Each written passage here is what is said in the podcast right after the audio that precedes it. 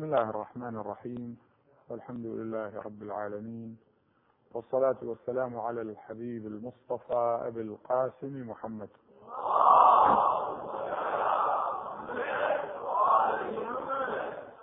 صلى الله عليه وعلى آله الطيبين الطاهرين. سقاك الحيا الهطال يا معهد الإلف. ويا جنة الفردوس دانية القطف. جذبنا أحاديث الهوى وانطوت لنا قلوب على صاف المودة والعطف. أيا منزل الأحباب ما لك موحشا. أيا منزل الأحباب ما لك موحشا بزهرتك الأرياح أودت بما تسفي. فعفيت يا ربع الأحبة بعدهم فذكرتني قبر البتولة إذ عفي شجاها فراق المصطفى واحتقارها. لدى كل فرد من رفاقته إلفي وشحت على النزر القليل نفوسهم. فما كان فيهم من كريم ولا عفي فحجتهم لو أنصفوها وأثبتوا حديثا نفاه الله عن محكم الصحف. وجاءت إلى الكرايار تشكو تضامها ومدت إليه الطرف خاشعة الطرف. أبا حسن يا راسخ الحلم والحجاب. إذا فرت الأبطال رعبا من الزحف. وما برحت مظلومة ذات علة. تؤرقها البلوى وظالمها مخفي إلى أن قضيت مكسورة الضلع مسقطا. جنين لها بالضرب. مسودة الكتف. قال سليم قلت يا سلمان هل دخلوا ولم يك استئذان؟ فقال إيه وعزة الجبار ليس على الزهراء من خماري لكنها لاذت وراء الباب رعاية للستر والحجاب فمذ رأوها عصروها عصرا كادت بنفسي أن تموت حسرا. تصيح يا فضة أسنديني فقد وربي اسقطوا جنيني وأسقطت بنت الهدى وحزنا جنينها. ذاك المسمى محسنا أبويا مثل الباب لكن ما علي حجاب. وحسبي العدوم اللي ذت خلف الباب. عصرني وأسقط المحسن.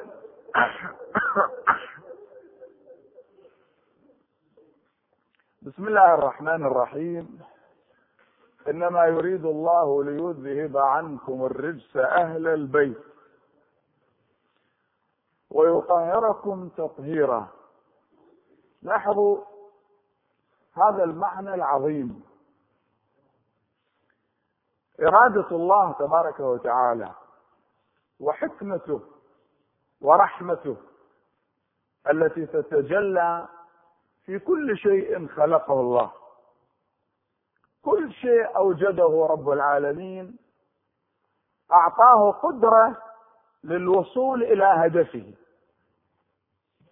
كل شيء يتحرك في الكون يملك هذه القدرة.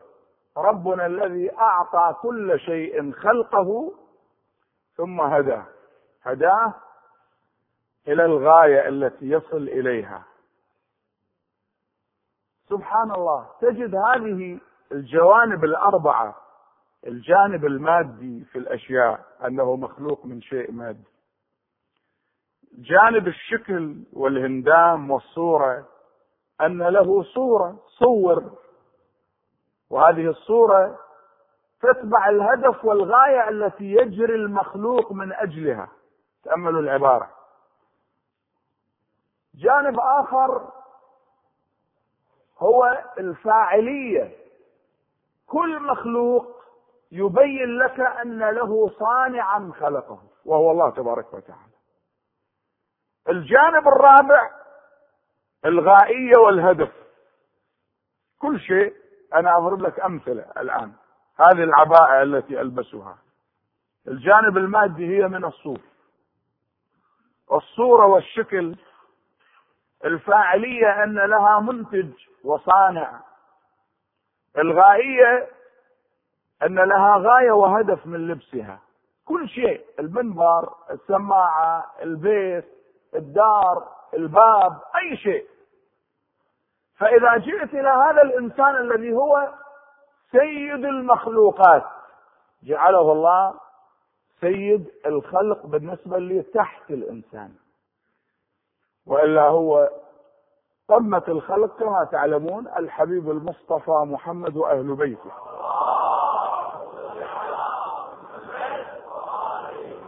فتلاحظ الجانب المادي في الإنسان. هذا الطين والتراب. خلق من الطين. والصورة هذه الصورة. خلقكم وصوركم. فأحسن صوركم. لقد خلقنا الإنسان في أحسن تقويم. لكن واحد يسأل نفسه لماذا؟ لاحظوا المسألة هنا. واحد يجب أن يسأل يقول لماذا؟ قبل أن تنتهي الحياة ما يستطيع أن يقول لماذا؟ فهاي الملاحظة خلقه هذا الجانب المادي. والصورة أيضا موجودة. الفاعلية موجودة أنه لم يأتي أحد ويدعي أنه خلق الإنسان. حتى الفراعنة ما كان يقول أنا خالقكم لأنه يعلم. يجي لي واحد يقول اخلق لي ولد طفل أنا أحتاج طفل اخلق لي طفل. لا كان يقول أنا ربكم الأعلى. تأملوا حتى في القرآن هذه الملاحظة موجودة. النمرود عندما قال لإبراهيم الخليل من ربك يا إبراهيم؟ أنا ربك. إبراهيم قال لا ربي الذي يحيي ويميت. النمرود قال أنا أحيي وأميت. أنا عندي جماعة عشرة غدا ينفذ فيهم حكم الإعدام. أطلق سراحهم واتي بعشرة أبرياء أقتلهم. فأكون أحييت وأمت. لاحظ المسألة كيف؟ فإبراهيم ما دخل معاه في هذا الحوار العقيم. لأنه أساسا الأنبياء ما عندهم وقت للمجادلة والجدال. دائما وجادلهم بالتي هي أحسن والتي هي أحسن الانطلاق في الخط المنطقي المستقيم حتى تصل إليه. فإبراهيم التفت إليه. هو قال أنا أحيي وأميت. إبراهيم ما قال كيف تحيي وتميت؟ قال عندي عشره أعدامهم غدا صباحا أنا أطلق سراحهم واتي بأبرياء أقتلهم. فما قال له إبراهيم ماذا يقول له؟ يقول له هؤلاء الذين ساعدوهم لازم تعطيهم الحياة يعني يشجع على اعدام الناس وقتل الناس؟ لا. قال فإن الله يأتي بالشمس من المشرق فأت بها من المغرب. فبهت الذي كفر. شوف ما له سلطة على الشمس. هو كان ما ملتفت لهذا الموضوع. يتصور الربوبية أنه له سلطة على الناس الضعفاء صار رب اذا وين الكون؟ هذا الكون الذي يجري هذه الشمس التي تطلع من مطلعها ومشرقها وتغرب في مغربها. هل تستطيع أن تتحكم بحركة الشمس؟ فإن الله يأتي بالشمس من المشرق فأتي بها من المغرب. فبهت الذي كفر. شفت شلون؟ بعد ذلك الناس الذي حول إبراهيم بدأت حياتهم الإيمانية تتكامل لكن بعض الأفراد الذين بقى في نفوسهم شيء ينصتون لإبراهيم. يا إبراهيم لو تركت النمرود يحيي ويميت كما قال يمكن أنه يعطينا نتيجة؟ قال استغفروا ربكم. أي نتيجة يعطيها النمرود من أنه يقتل ناس أبرياء يأتي بهم من الشارع من الناس من البيوت يأخذهم أبرياء يقتلهم؟ يعطيكم نتيجة اذا تعالوا معي. اجوا معه وقد قال ربي أرني كيف تحيي الموتى. الآن هذه غير أرني اللي قالها موسى. لأن موسى نقل عن كلام هؤلاء الذين انتخبهم. من بين سبعين ألف من بني إسرائيل انتخب سبعة آلاف بعد ذلك اصطفى منهم سبعمائة بعد ذلك استخلص سبعين. واختار موسى سبعين رجلا لميقاتنا. اختار سبعين رجل لميقاتنا. هؤلاء السبعين خلاصة الخلاصة. تأملوا. الاختيار وين؟ سبعين ألف. بعد ذلك سبعة آلاف. بعد ذلك سبعمائة. بعد ذلك سبعين. يعني من كل ألف واحد اختار. وموسى من أولي العزم ومعصوم ونبي. لما وصل إلى الميقات هم قالوا لموسى لما وصل إلى هنا. قالوا أرنا الله جهرة. موسى كان سأل الله ربي أرني أنظر إليه قبل أن يكون هؤلاء معه. قال يا موسى إنك لم تراني. أنت ما تستطيع أن تشوفني لأن رؤية الله ما ممكن أن تتحقق للإنسان. ممكن أن ترى الله في قلبك وهذا بعد آخر. يقول الإمام أمير المؤمنين سلام الله عليه ما رأته العيون بمشاهدة العيان ولكن رأته القلوب بحقائق الإيمان. قال يا موسى لم تراني ولكن انظر إلى الجبل. الآن هؤلاء قالوا أرنا الله جهرة وإذا كلهم منافقون. وهذا أكبر دليل على أن الأمة لا تستطيع أن تختار لها إماما وخليفة. الاختيار من الله الإمامة من الله الله تبارك وتعالى وإذ ابتلى إبراهيم ربه بكلمات فأتمهن قال إني جاعلك للناس إماما. يا داود إنا جعلناك خليفة في الأرض. قال إني جاعل في الأرض خليفة. الخلافة والإمامة من الله. الله هو الذي يخلق ويختار رب العالمين. ما كان لهم الخيرة اللي يختار هو يختار يقع في مطبات كبيرة. وهذا اختيار موسى. فإذا كان موسى من أولي العزم ما يستطيع أن يختار فما بالك بأقل منه؟ وما بالك بالذين ذهبوا إلى السقيفة وجلسوا تحتها ليختاروا إماما وخليفة لهم؟ ونص القرآن أمامهم موجود. لذلك الأدلة تأخذ بأعناقنا في مدرسة أهل البيت أنه ما نستطيع.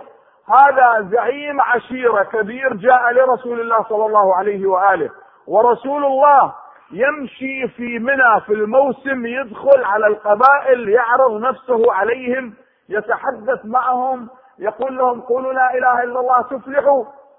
فقام رجل قال له إني معي مئة ألف فارس من قبائل مضر ونحن نؤمن بك ولكن بشرط.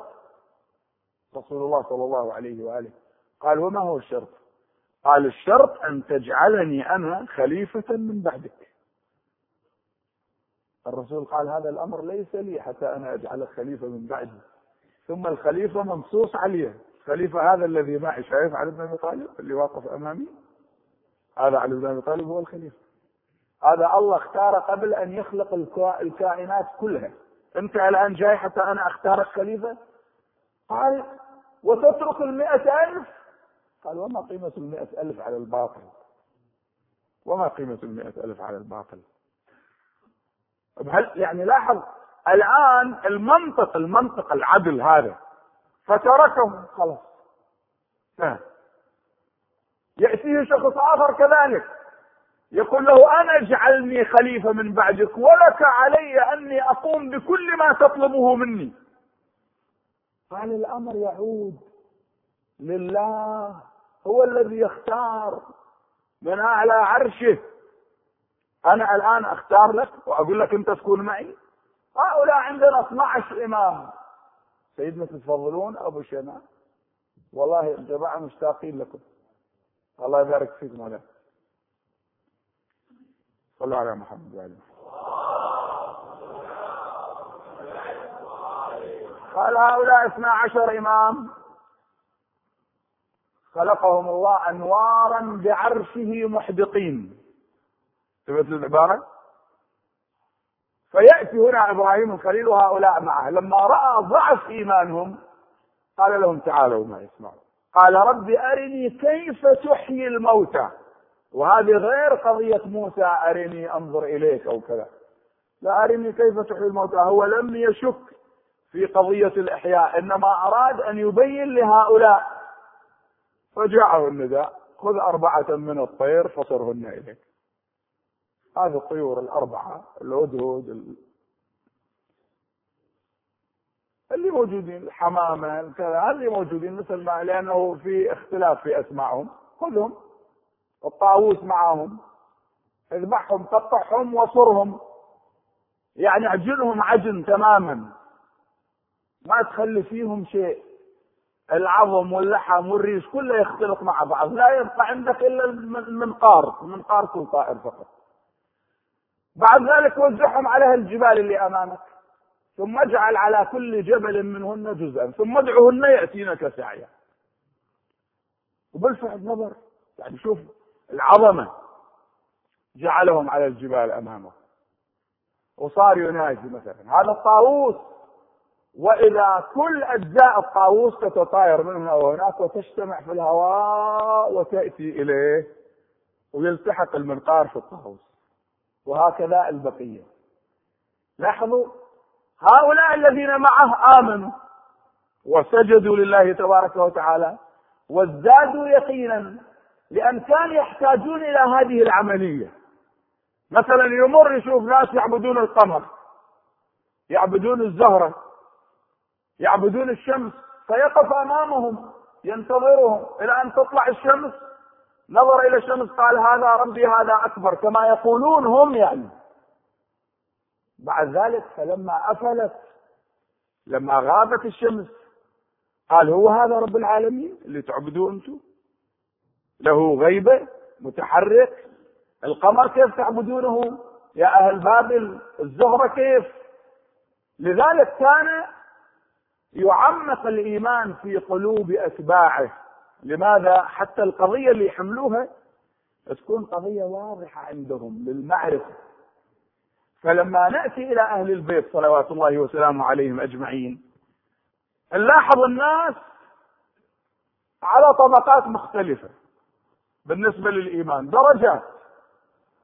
إيمانه ومعرفته بأهل البيت على درجات. لكن لاحظوا لما يأتي حديث الكساء اللي لازم الليلة نذكره وتبين هذا البحر المتلاطم من المعرفة والفائدة والنفع العظيم ودفع البلاء في هذا الحديث بالذات. هؤلاء أهل البيت صلوات الله وسلامه عليهم أجمعين تحت الكساء. وهذا الكساء متصل ليس بالعرش. إنما بدنا فتدلى فكان قاب قوسين أو أدنى. رب العالمين يتحدث عنهم ويعلن للملائكة وسكان السماوات والأرض من الذين هم تحت الكساء. ولماذا خلق الله الكون؟ التفتوا العبارة. يعني كما قلت لك الإنسان لما يعرف أنه هو مصنوع من الطين ورب العالمين خلقه من الطين وبهذه الصورة والفاعلية الله تبارك وتعالى هو الخالق. وليس هناك من يدعي أنه خلق الإنسان فيقول وما خلقت الجن والإنس إلا ليعبدون. والعبادة تسبقها المعرفة كما يقول الإمام الحسين صلوات الله وسلامه عليه. يقول إن الله ما خلق الخلق إلا ليعرفوه فإذا عرفوه عبدوه وإذا عبدوه استغنوا بعبادته عن عبادة ما سواه. تأملوا العبارة استغنوا يعني العبادة تجعلك حرا منطلقا. الآن هكذا. جابر بن عبد الله الأنصاري يحدث هذا لازم نقرأه فكانت مقدمة لهذا الحديث. فتأملوا الآن اللي عنده حاجة يستعد واللي ما عنده حاجة يطلع من المجلس يروح. في أحد ما عنده حاجة فيكم؟ لكن لاحظوا أحبتي الأصل في القضية أنك تعتقد أنك تأخذ حاجتك من أهل البيت وأنهم يقضون حاجتك وهم باب الحوائج إلى الله ورب العالمين ما يرد لهم طلب أبدا خصوصا لما تذكر الصديقة الطاهرة فاطمة الزهراء روحي فداها ومظلوميتها. فالآن نقرأ الحديث ونستمر في حديثنا. جابر بن عبد الله الأنصاري يذكر الحديث. يروي عن فاطمة الزهراء صلوات الله وسلامه عليها. أنها قالت دخل علي أبي رسول الله. خلينا بارك الله صلى الله عليه وآله في بعض الأيام. فقال لي السلام عليك يا فاطمة. فقلت وعليك السلام يا أبتاه يا رسول الله. فقال لي يا فاطمة إني أجد في بدني ضعفا فقلت له أعيذك بالله يا أبتاه من الضعف. فقال لي ائتيني بالكساء اليماني فغطيني به. قالت فاطمة فأتيته بالكساء اليماني وغطيته به وصرت أنظر إليه وإذا وجهه يتلألأ نورا كأنه البدر. في ليلة تمامه وكماله. اللهم صل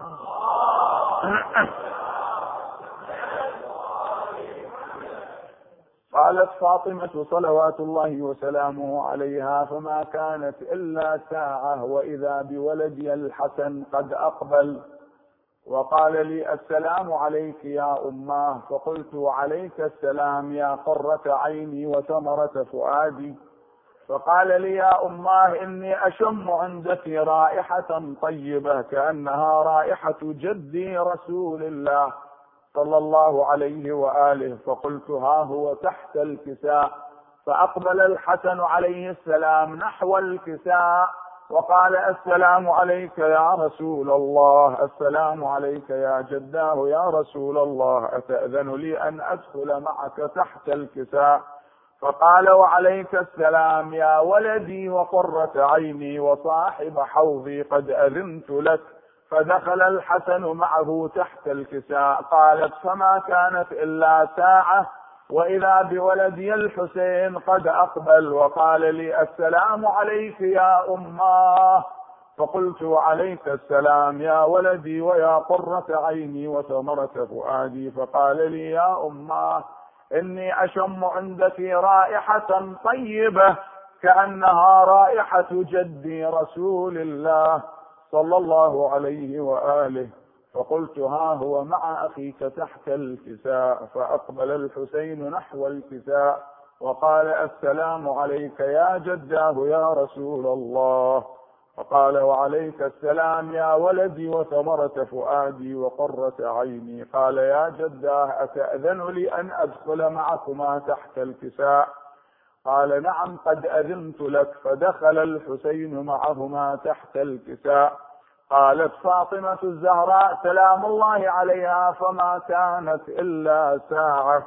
وإذا بأبي الحسن والحسين علي بن أبي طالب عليه السلام قد أقبل وقال السلام عليك يا فاطمة يا بنت رسول الله فقلت وعليك السلام يا أبا الحسن والحسين ويا أمير المؤمنين. فقال لي يا فاطمة إني أشم عندك رائحة طيبة. كأنها رائحة أخي وابن عمي رسول الله صلى الله عليه وآله.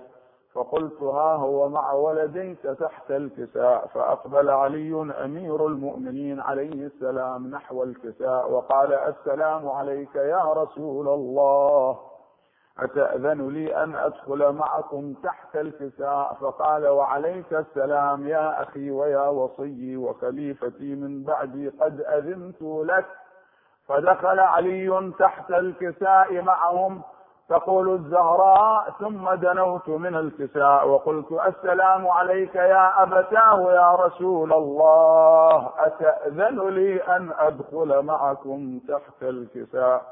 فقال وعليك السلام يا ابنتي ويا بضعتي قد أذنت لك.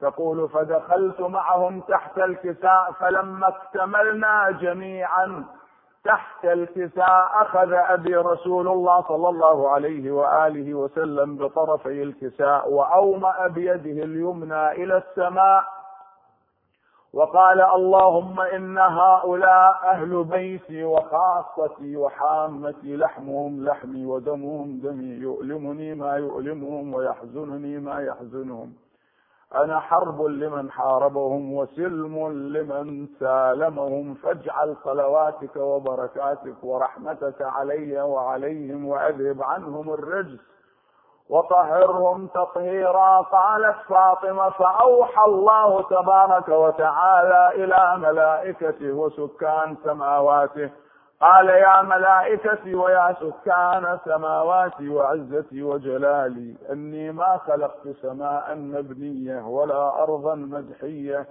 ولا قمرا منيرا ولا شمسا مضيئا ولا فلكا يدور ولا بحرا يجري ولا فلكا يسري أو تسري إلا لأجل هؤلاء الخمسة الذين هم تحت الكساء. فقال الأمين جبرائيل ومن يا رب؟ تحت الكساء فقال هم فاطمة وأبوها وبعلها وبنوها.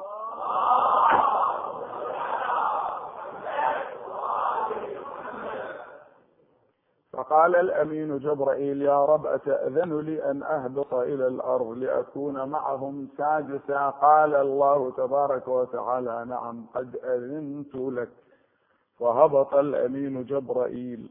ووقف إزاء الكساء وقال السلام عليك يا رسول الله السلام عليك يا من اختاره الله. إن الله تبارك وتعالى أوحى إليكم يقول وعزتي وجلالي إني ما خلقت سماء مبنية ولا أرضا مدحية ولا قمرا منيرا ولا شمسا مضيئة ولا فلكا يدور. ولا بحرا يجري ولا فلكا يسري أو تسري إلا لأجلكم ومحبتكم. وقد أذن لي أن أهبط إلى الأرض لأكون معكم أو لكم سادسا فهل تأذن لي أنت يا رسول الله؟ قال وعليك السلام يا أمين وحي الله إنه نعم قد أذنت لك. فدخل جبرائيل معنا تحت الكساء. الكلام لفاطمة الزهر سلام الله عليها. وهو يقول إن الله أوحى إليكم يقول إنما يريد الله ليذهب عنكم الرجس أهل البيت ويطهركم تطهيرا.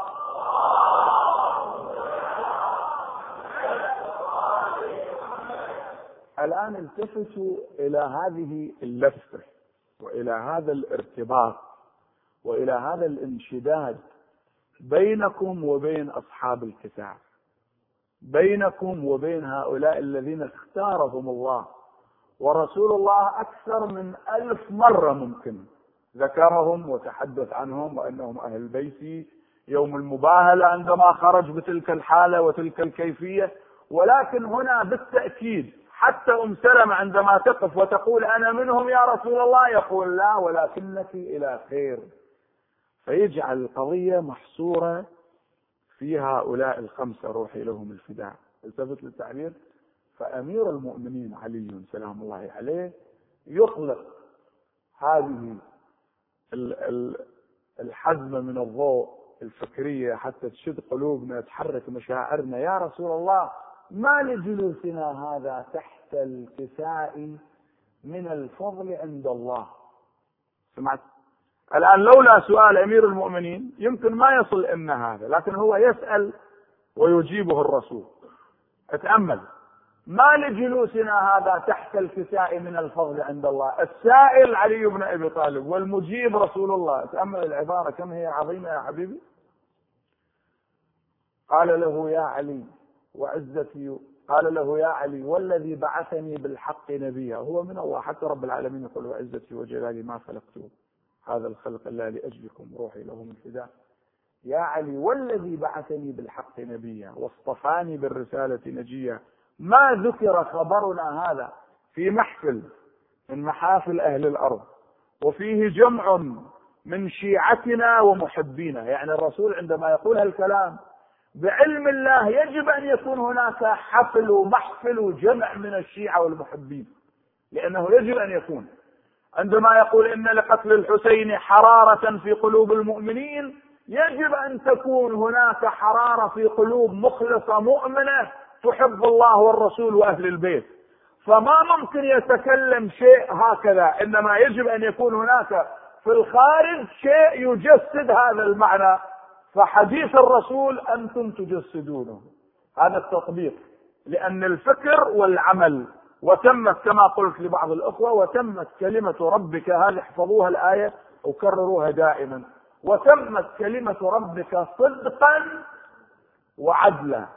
فصدقا بالفكر والكلام والعلم والتفقه هذا الصدق. لأن ما في ما في كذب وعدلا في التطبيق في العمل في العمل في الفعل في التطبيق. فهنا لاحظ الآن الصدق والعدل في حديث الكتاب صدقا وعدلا. ألا لاحظ المسألة؟ قال رسول الله صلى الله عليه وآله وسلم والذي يا علي والذي بعثني بالحق نبيا واصطفاني بالرسالة نجيا. ما ذكر خبرنا هذا في محفل من محافل أهل الأرض وفيه جمع من شيعتنا ومحبينا إلا ونزلت عليهم الرحمة. شوف. شوف.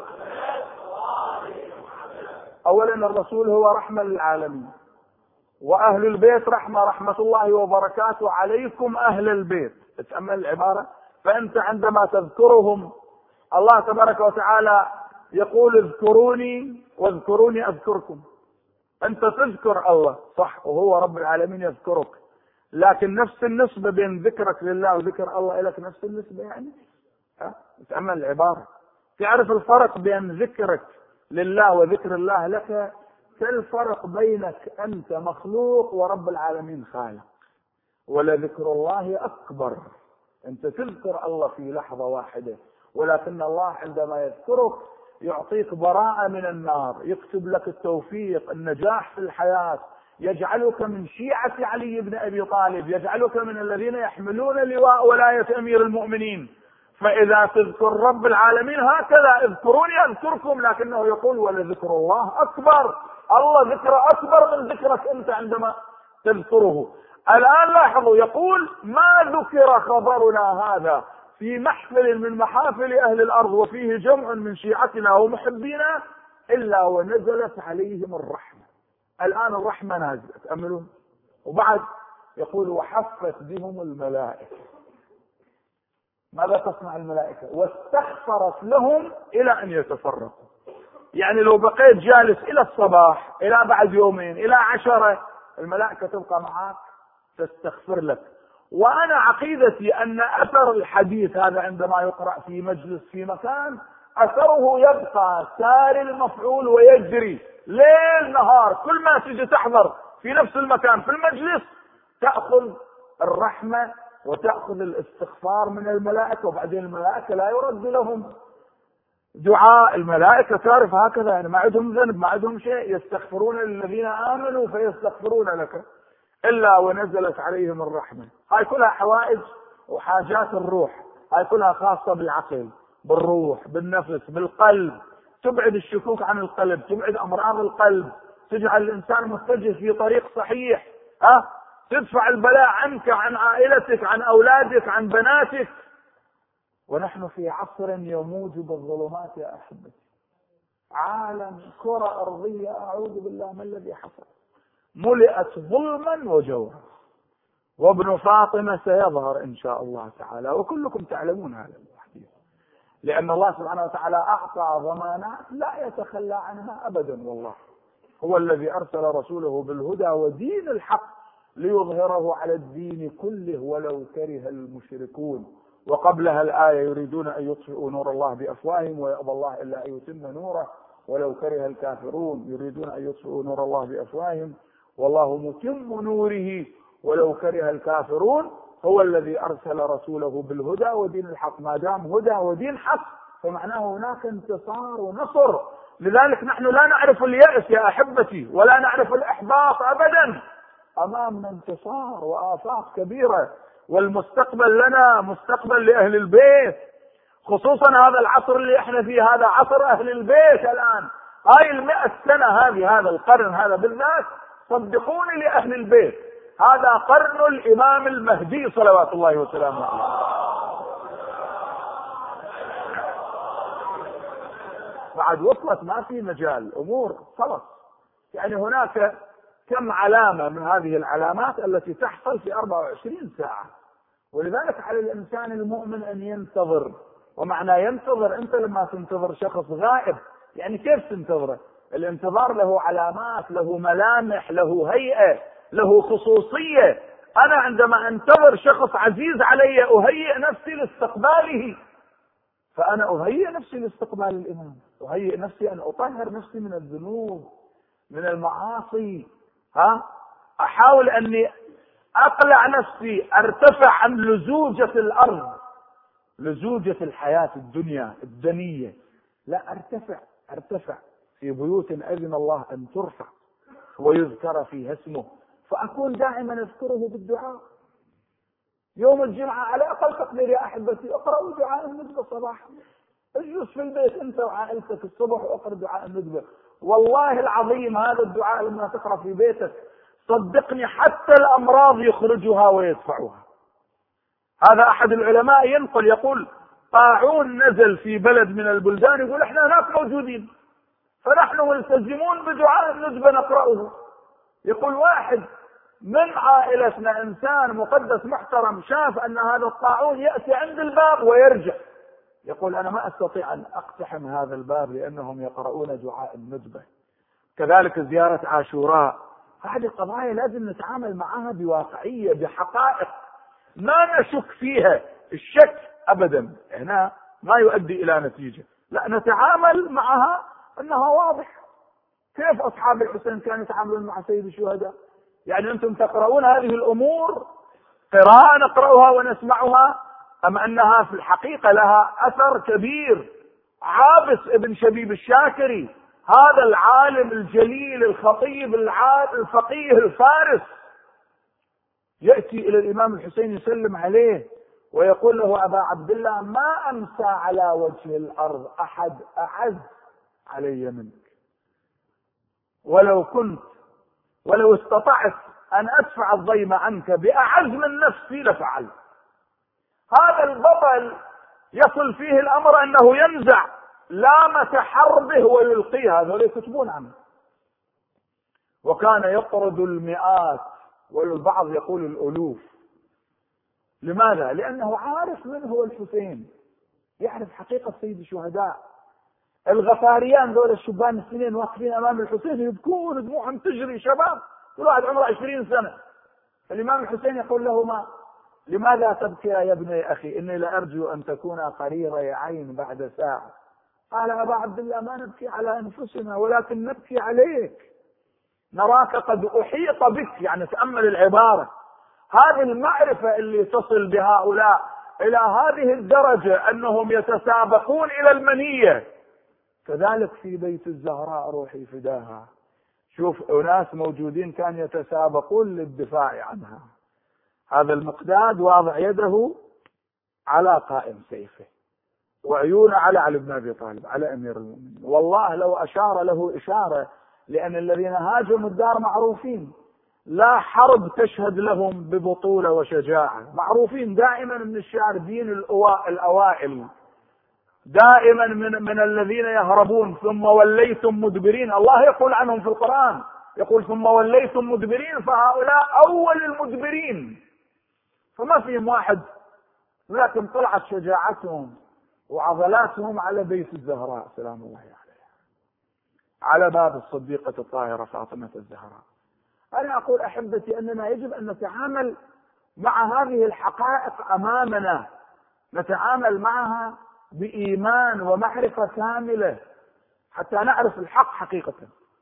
ونكون نستقبل صاحب العصر والزمان بقراءة هذا الدعاء. بتطهير نفوسنا بإعطاء صدقة عن الإمام كل يوم. الآن هي لا شيء الصدقة حتى لو تعطي لك أنت درهم واحد. بس هاي تشدك في الإمام أكثر لدفع البلاء عنه. تقرأ زيارة مثلا للإمام الحسين تهديها للسيدة نرجس سلام الله عليها والدة الإمام اللي فجروا قبرها مع الإمامين العسكريين لأن قبرها موجود في سامراء مع قبر الإمام الهادي والإمام العسكري. الآن أكثر من أي وقت مضى. يعني لا تنسون لا تنسون ولا تبردوا ولا تتخاذلوا عن موضوع تفجير مرقد الإمامين. كل لحظة لازم نذكر هذا الحدث في كل لحظة في كل ساعة دائما. ولذلك السنة في يوم وفاة الإمام العسكري اللي تصادف يوم ثمانية ربيع الأول يعني بينكم وبينها قرابة أربعين يوم الآن بعد يجب أن يكون عزاء في مستوى المسؤولية. كل العالم يشاهد لأن كل العالم صار يتحدث عن مرقد الإمام الهادي والإمام العسكري ولعله بعض الناس ما سامعين باسم الإمام الهادي والإمام العسكري سلام الله عليه. ورب ضارة نافعة لكن الله سبحانه وتعالى هكذا.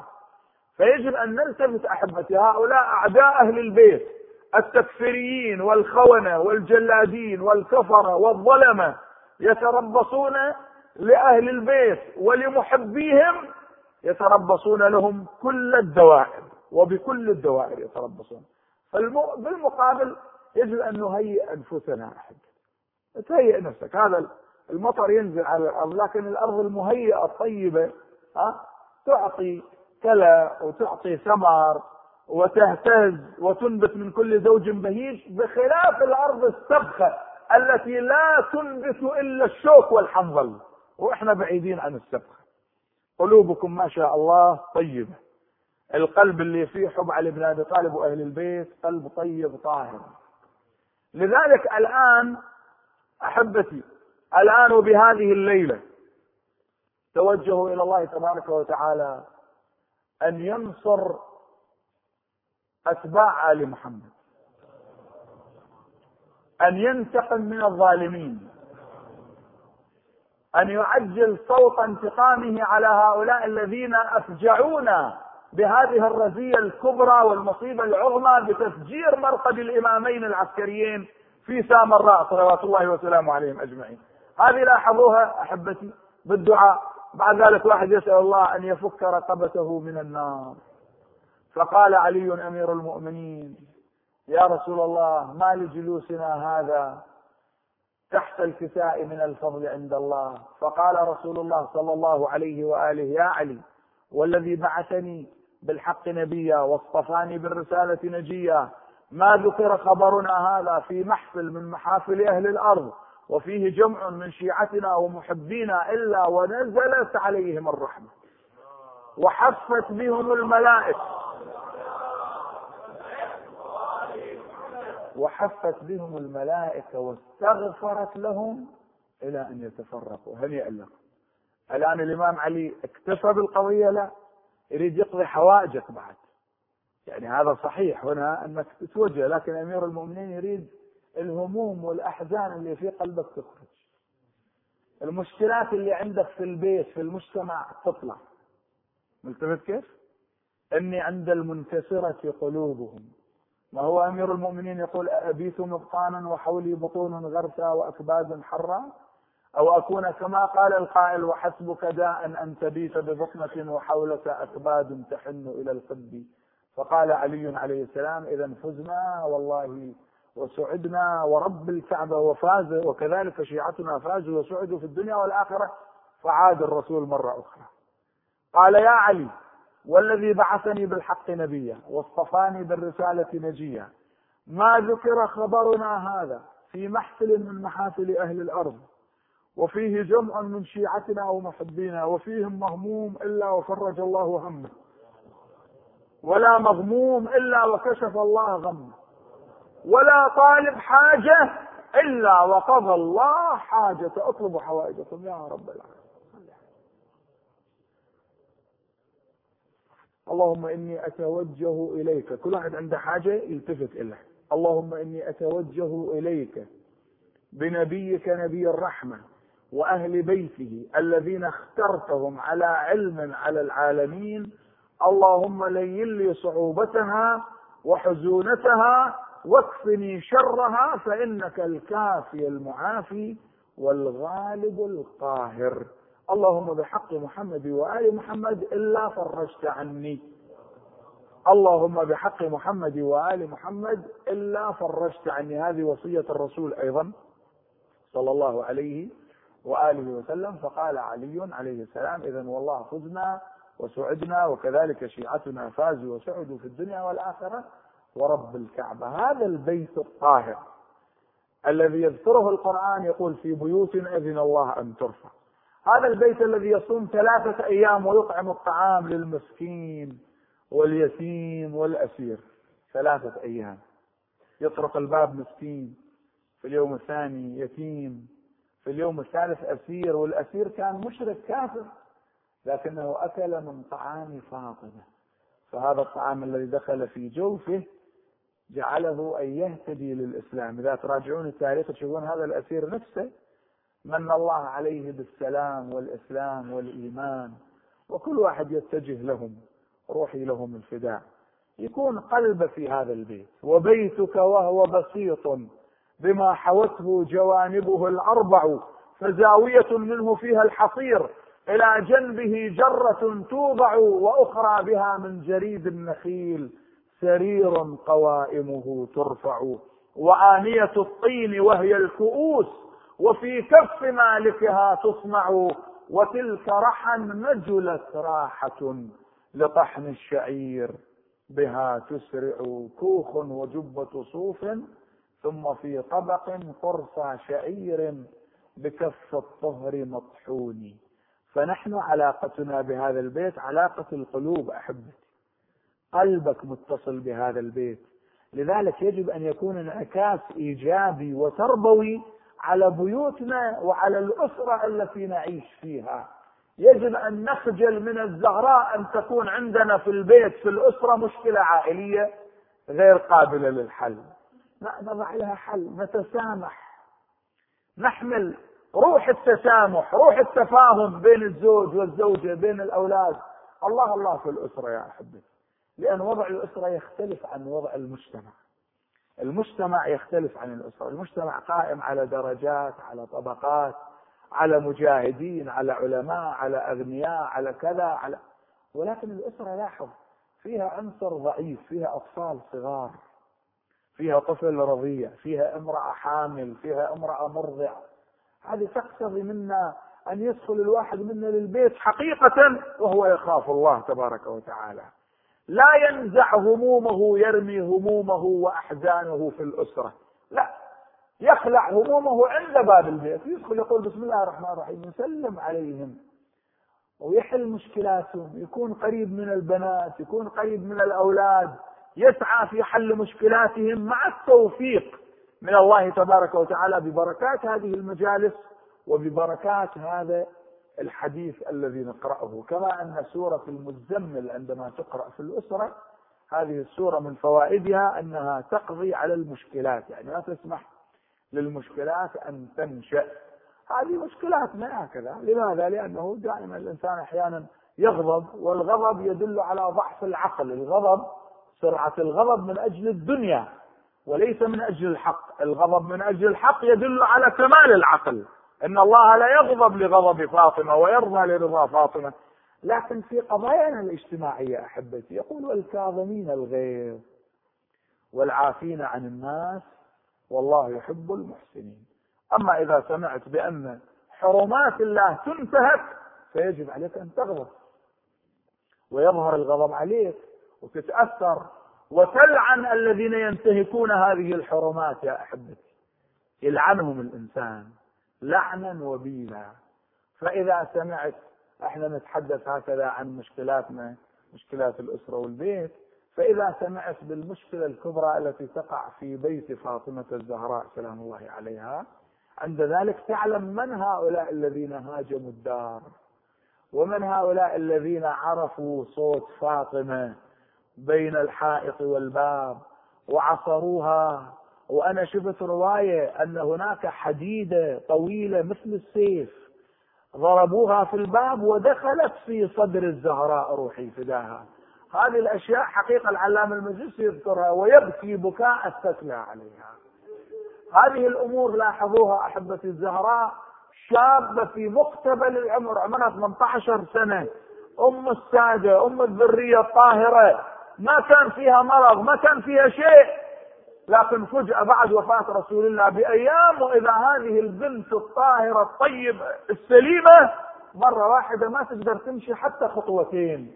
هذه طبعا بعد ما ألقت الخطاب في في المسجد في الجامع في مسجد أبيها رسول الله. بعد ذلك ما استطاعت أن تخرج. كسر ضلعها واسقط جنينها المحسن بين الحائط والباب وهذه الحسرة والألم باقي عند أهل البيت والزهراء إلى اليوم غضبانة وزعلانة وما راضية على الجماعة أبدا. لذلك أين قبرها؟ قبرها الآن مخفي إخفاء قبرها. لاحظ كيف؟ قالت لأمير المؤمنين يا أبا الحسن إذا أنا قضيت نحبي غسلني حنقني كفني صلي علي ولا تشهد جنازتي هؤلاء الذين ظلموني منهم ولا من أتباعهم. بعد ذلك تقول له وخ... و... وعفي موضع قبري وتعهد قبري بتلاوة القرآن فإن الميت يأنس إذا قرئ القرآن على قبره. أنا أيضا أقرأ هذه المصيبة أيضا لقضاء الحوائج مثل ما نقرأ حديث الكساء كل مرة لقضاء الحوائج. هذه المصيبة أيضا لو تسمعها ألف مرة في اليوم والليلة هي كأنها جديدة غضة طرية كأنما أنشئت منذ ساعة وسمعتها منذ ساعة. أنت أيها الحبيب. سبحان الله. تبكي الليل والنهار. شيوخ المدينة قالوا لأمير المؤمنين يا علي قل لفاطمة إما أن تبكي ليلا أو نهارا لأنها إذا بكت اهتزت المدينة لبكائها. ما تبقى امرأة في المدينة بيوت المدينة متاخمة بعضها مع بعض يعني متلاصقة. هكذا كانت.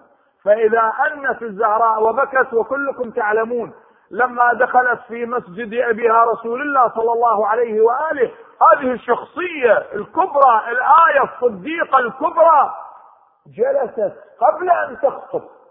أنت أن أجهش القوم لها في البكاء. تأملوا إذا كانت الأن أو بتعبيرنا الون الوحدة من الزهراء تفجر الألوف المؤلفة من الناس بالبكاء فما بالكم بخطابها وكلامها وقوة شخصيتها صلوات الله وسلامه عليه. فكانت تخرج تحت شجرة تجلس تبكي عمدوا إلى تلك الشجرة قطعوها. الإمام بنى لها بيت اسمه بيت الأحزان.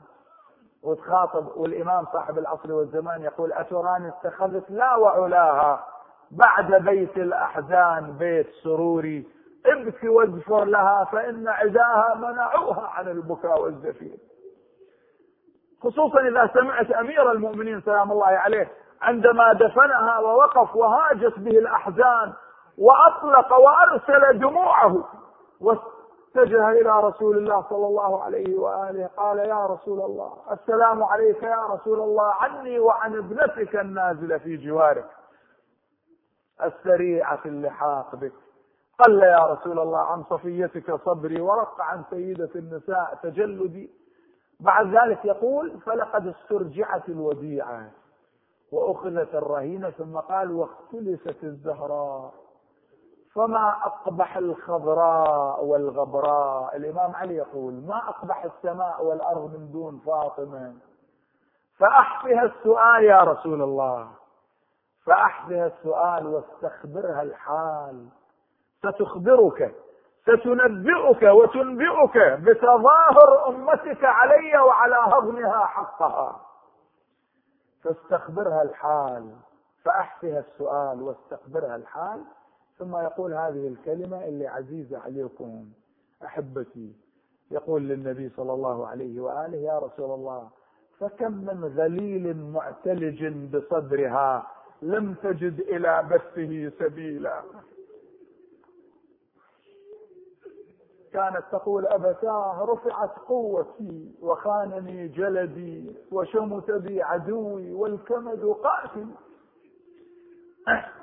تلقي بنفسها على قبر أبيها رسول الله صلى الله عليه وآله. تأخذ حسنات من تراب القبر. ماذا على من شم تربة أحمد؟ ألا يشم مدى الزمان غواليا؟ صبت علي مصائب لو أنها صبت على الأيام. صرنا لياليا تقول أسماء بنت عميس كانت فاطمة الزهراء ذلك اليوم كأحسن ما تكون عليه المرء. قدمت الحسن والحسين غسلت رأسيهما ألبستهما ثيابهما قالت لهما اخرجا خلف أبيكما علي. وكانت قد اجتمعت بالإمام أمير المؤمنين أبا الحسن نعيت إلي نفسي أني مفارقتكم وعندي وصايا تختلج في صدري أريد أن أوصيك بها. الإمام أخرج من كان في البيت حتى أم سلمة وأسماء. أخرجت. احتراما لوصية فاطمة. وإذا بها تقول أبا الحسن ما عهدتني كاذبة ولا خائنة ولا خالفتك منذ عاشرتني. قال معاذ الله أنت أبر بالله وأعلم وأتقى وأشد خوفا من أن أوبخك بمخالفتي. وقد عز علي فقدك ومفارقتك إلا أنه أمر لا بد منه. والله لقد جددت علي مصيبة رسول الله وعظمت علي وفاتك وفقدك. فإنا لله وإنا إليه راجعون من مصيبة ما عظمها وآلمها وأحزنها. ثم أخذ رأسه ووضعه في حجره وبكيا جميعا ساعة صارت هي تودع وتبكي والإمام يودعها يا ويل وحين حضرت المنية حضر عدها الوصب وقت الوصية تقل انظر يا بعد الروح ليا نظر ليها ومن عين الدمع خاف يقل لها تقل لي ليش تايسين مرت شبدك يا ام حسن وحسين. تقلب وقت غسلي يا أبو الحسنين. أريد اللي تشوف عليه. تصبير وتراني طاهرة ولو غسلتني أريدك لا تجي ضلعي ومتني ونعشي يا بن غمي من تشيله نص الليل يريد يصير شيله. وعلي تراب قبري منتهي القبر لا تخلي أثر. يظهر تقول اسمع خرج الحسن والحسين إلى المسجد وإذا الزهراء تقول اسمع أنا داخله في حجرتي هذه في حجرتي هذه أصلي نوافلي وأقرأ وردي وأقرأ القرآن. إذا انقطع صوتي عليك ناديني فإن أجبتك وإلا فاعلمي بأني لاحق بأبي رسول الله. تقول أسماء دخلت فاطمة إلى الحجرة بينما أنا أسمع صوتها بتلاوة القرآن إذ انقطع صوت فاطمة. ناديتها يا زهراء ما أجابت؟ دخلت عليها الحجرة وإذا بفاطمة ممددة نحو القبلة. الرداء على وجهها كشفت الرداء غنى وإذا بها قد فارقت روح والدنيا. يا قلب يا قلب ذوب وهل يا دمعي على الماتة وتصرخ يا ضلعي تقول بينما أنا كذلك وإذا بالباب تطرق فتحت الباب وإذا الحسن والحسين أقبلا. الآن يسألون عن أمهم يسألان عن أمهما. أول سؤال طفح على شفتي الحسن والحسين أسمى أين أمنا فاطمة؟ قلت لهما سيدي إن أمكما نائمة. قال أسمى وما ينيم أمنا في هذا الوقت؟ إنه ليس وقت نومها إنما هو وقت عبادتها ودعائها. قلت لهما سيدي اجلسا حتى آتيكما بشيء من الطعام. تقول وضعت طبق الطعام بين يدي الحسن والحسين رأيتهما أطرقا برأسيهما إلى الأرض. كلا يا قرة عيني رسول الله. قال أسمى بالله عليك. من أين علمت أننا نأكل وليست معنا أمنا فاطمة؟ يقول قام الحسين مهرولا إلى الحجرة جلس عند رأس أمه فاطمة مناديا أماه كلميني أنا عزيزك الحسين. أماه كلميني قبل خروج روحي من بدني. قال أخي أبا محمد عظم الله لك الأجر بأمنا فاطمة. تقول اسمع والله لقد كسر قلبي الحسين رأيته يقبل قدمي أمه فاطمة ويقول امه كلميني أنا عزيزك الحسين. كذلك الحسن. اذهبا إلى أبيكما علي خرجا إلى المسجد في بكاء وعويل. استقبلهما الأصحاب ما يبكيكما يا قرة عيني رسول الله؟ لعلكما تذكرتما مصاب جدكما رسول الله. فبكيتما قالا لا أوليس قد ماتت أمنا فاطمة؟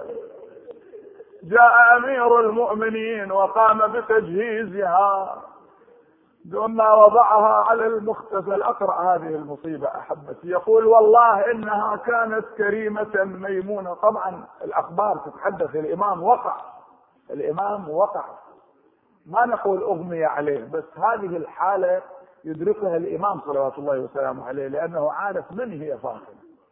لذلك لما قام بتجهيزها سلمان الفارسي قال للناس أخر إخراج الجنازة في الهزيع الأخير من الليل يقوم أمير المؤمنين يغسلها وأسماء بنت عميس تساعده انتحى جانبا وانفجر في البكاء.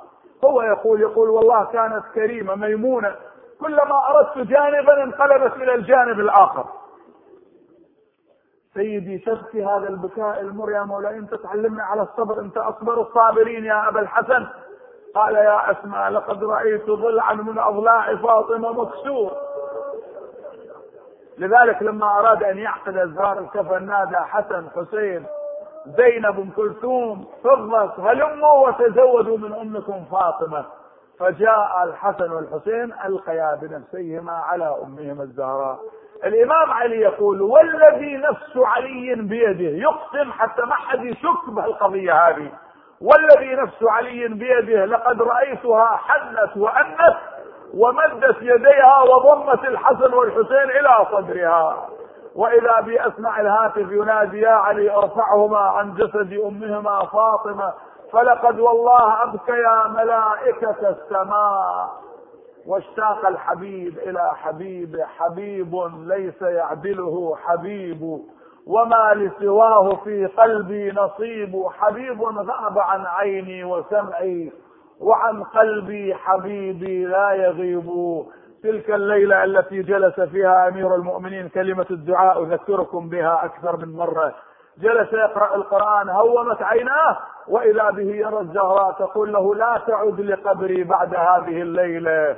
يا أبا الحسن يا أمير المؤمنين ولما قالت إن الحسن والحسين وزينب استيقظوا من النوم فوجدوا الدار خالية مني ومنك واستوحشوا لذلك.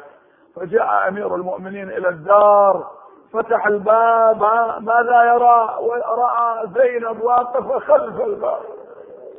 تقول له أبلا أنت ولا أمنا يا نور عيني يا الباب يا الباب لبست الحزن طول الدهر. إذا رحتوا للبقيع إن شاء الله هناك تذكرون هذه المصيبة. يا الباب لبست الحزين طول الدهر. يا الباب ذهيل ولا بقى لي فكر يا الباب انشدش وين محسن سقط يا الباب يوم العصرة والزهرة الزكية بسم الله الرحمن الرحيم. الآن الدعاء. بارك الله فيكم. طبعا كما قلت لكم البارحة المجلس مستمر. سماحة السيد عبد الحسين القزويني الله يطيل عمره العلامة الجليل يواصل المجلس من الليلة القادمة ومجالس الحسين مستمرة إن شاء الله. وهذه السنة يجب أن تكون المجالس مزدحمة كل ليلة كل ليلة خصوصا بعد هذه الفاجعة التي حلت بالإسلام والمسلمين بتفجير مرقد الإمامين العسكريين لعن الله التكفيريين والمجرمين والخونة من كل حجب وصوب أقبلوا إلى العراق وإلى مراقد الأئمة وإن شاء الله يحفظ مراقد الأئمة بأنفاسكم وأدعيتكم ونفوسكم الأبية الطاهرة. بسم الله الرحمن الرحيم. توجهوا للدعاء. أنتم قرأتم حديث الكساء فلا تفلت منكم الحوائج. لو تأخرت دقيقة دقيقتين ما في مانع. تجه لرب العالمين. واعلم أنك تأخذ حاجتك الليلة. أنا عندي حاجة عمي. من هاي الليلة 30 ليلة أنا كنت معاكم. صحيح ولا مو صحيح؟ ما قلت لكم عندي حاجة بس الليلة أقول لكم. عندي حاجة وادعوا لي أنها تقضي تقضى إن شاء الله. وهاي الحاجة في كربلاء. إن شاء الله. وأنتم كذلك تجون معنا إلى كربلاء إن شاء الله.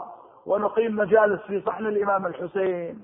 فهذه الحاجة إن شاء الله تنقضي الليلة. كل حوائجكم مقضية أن نقرأ. بسم الله الرحمن الرحيم. أما يجيب المضطر إذا دعاه ويكشف السوء؟ أما يجيب المضطر إذا دعاه ويكشف السوء؟ أما يجيب المضطر إذا دعاه ويكشف السوء؟ أما يجيب المضطر إذا دعاه ويكشف السوء؟ أما يجيب المضطر إذا دعاه ويكشف السوء؟ باسمك العظيم الأعظم الأعز الأجل الأكرم يا الله. يا الله يا الله يا الله يا الله يا الله يا الله يا الله يا الله يا الله يا الله. يا مجيب دعوة المضطرين. نقسم عليك بأحب الخلق إليك محمد وعلي وفاطمة والحسن والحسين وعلي بن الحسين ومحمد بن علي وجعفر بن محمد وموسى بن جعفر. وعلي بن موسى ومحمد بن علي. وعلي بن محمد والحسن بن علي والخلف الهاتي اللهم عجل فرج ولي يا أرحم الراحمين. أقضي حوائجنا للدنيا والآخرة. نقرأ دعاء الحفظ يا أحبتي. بسم الله الرحمن الرحيم. بسم الله خير الأسماء. بسم الله رب الأرض والسماء. بسم الله الذي لا يضر مع اسمه سم ولا داء. بسم الله أصبحت وأمسيت وعلى الله توكلت. بسم الله على قلبي ونفسي. بسم الله على ديني وعقلي. بسم الله على أهلي ومالي. بسم الله على ما أعطاني ربي. بسم الله الذي لا يضر مع اسمه شيء في الأرض ولا في السماء وهو السميع العليم. الله الله ربي لا أشرك به شيئا. الله أكبر الله أكبر وأعز وأجل مما أخاف وأحذر. بارك الله فيكم. عز جارك وجل ثناؤك ولا إله غيرك. اللهم إني أعوذ بك من شر نفسي ومن شر كل سلطان شديد ومن شر كل شيطان مريد ومن شر كل جبار عنيد ومن شر قضاء السوء ومن شر كل دابة أنت آخذ بناصيتها. إنك على صراط مستقيم. وأنت على كل شيء حفيظ شهيد. إن وليي الله الذي نزل الكتاب وهو يتولى الصالحين. فإن تولوا فقل حسبي الله. لا إله إلا هو عليه توكلت وهو رب العرش العظيم. والحمد لله رب العالمين. بعد للحفظ نقرأ صح؟ بعد بعد نقرأ. بسم الله الرحمن الرحيم. بسم الله وبالله. ومن الله هذا دعاء الإمام زين العابدين. يقول والله إذا قرأت هذا الدعاء لا أبالي لو اجتمعت الإنس والجن عليه تأملوا العبارة؟ ونحن الآن بأمس الحاجة للدعاء يا أحبتي. بسم الله الرحمن الرحيم. بسم الله وبالله ومن الله وإلى الله وفي سبيل الله وعلى ملة رسول الله صلى الله عليه وآله وسلم. اللهم إليك أسلمت نفسي وإليك وجهت وجهي وإليك فوضت أمري وإليك ألجأت ظهري وإليك فوضت أمري. فاحفظني بحفظ الإيمان من بين يدي ومن خلفي وعن يميني وعن شمالي ومن فوقي ومن تحتي. وادفع عني بحولك وقوتك فإنه لا حول ولا قوة إلا بالله العلي العظيم. وصلى الله على محمد وآله الطيبين الطاهرين. اللهم كل وليك الحجة ابن الحسن. صلواتك عليه وعلى آبائه في هذه الساعة وفي كل ساعة وليا وحافظا وقائدا وناصرا ودليلا وعينا حتى تسكنه أرضك طوعا وتمتعه فيها طويلا برحمتك يا أرحم الراحمين وصلى الله على محمد وآله الطيبين الطاهرين وإلى أمات الجميع الفاتحة مع الصلوات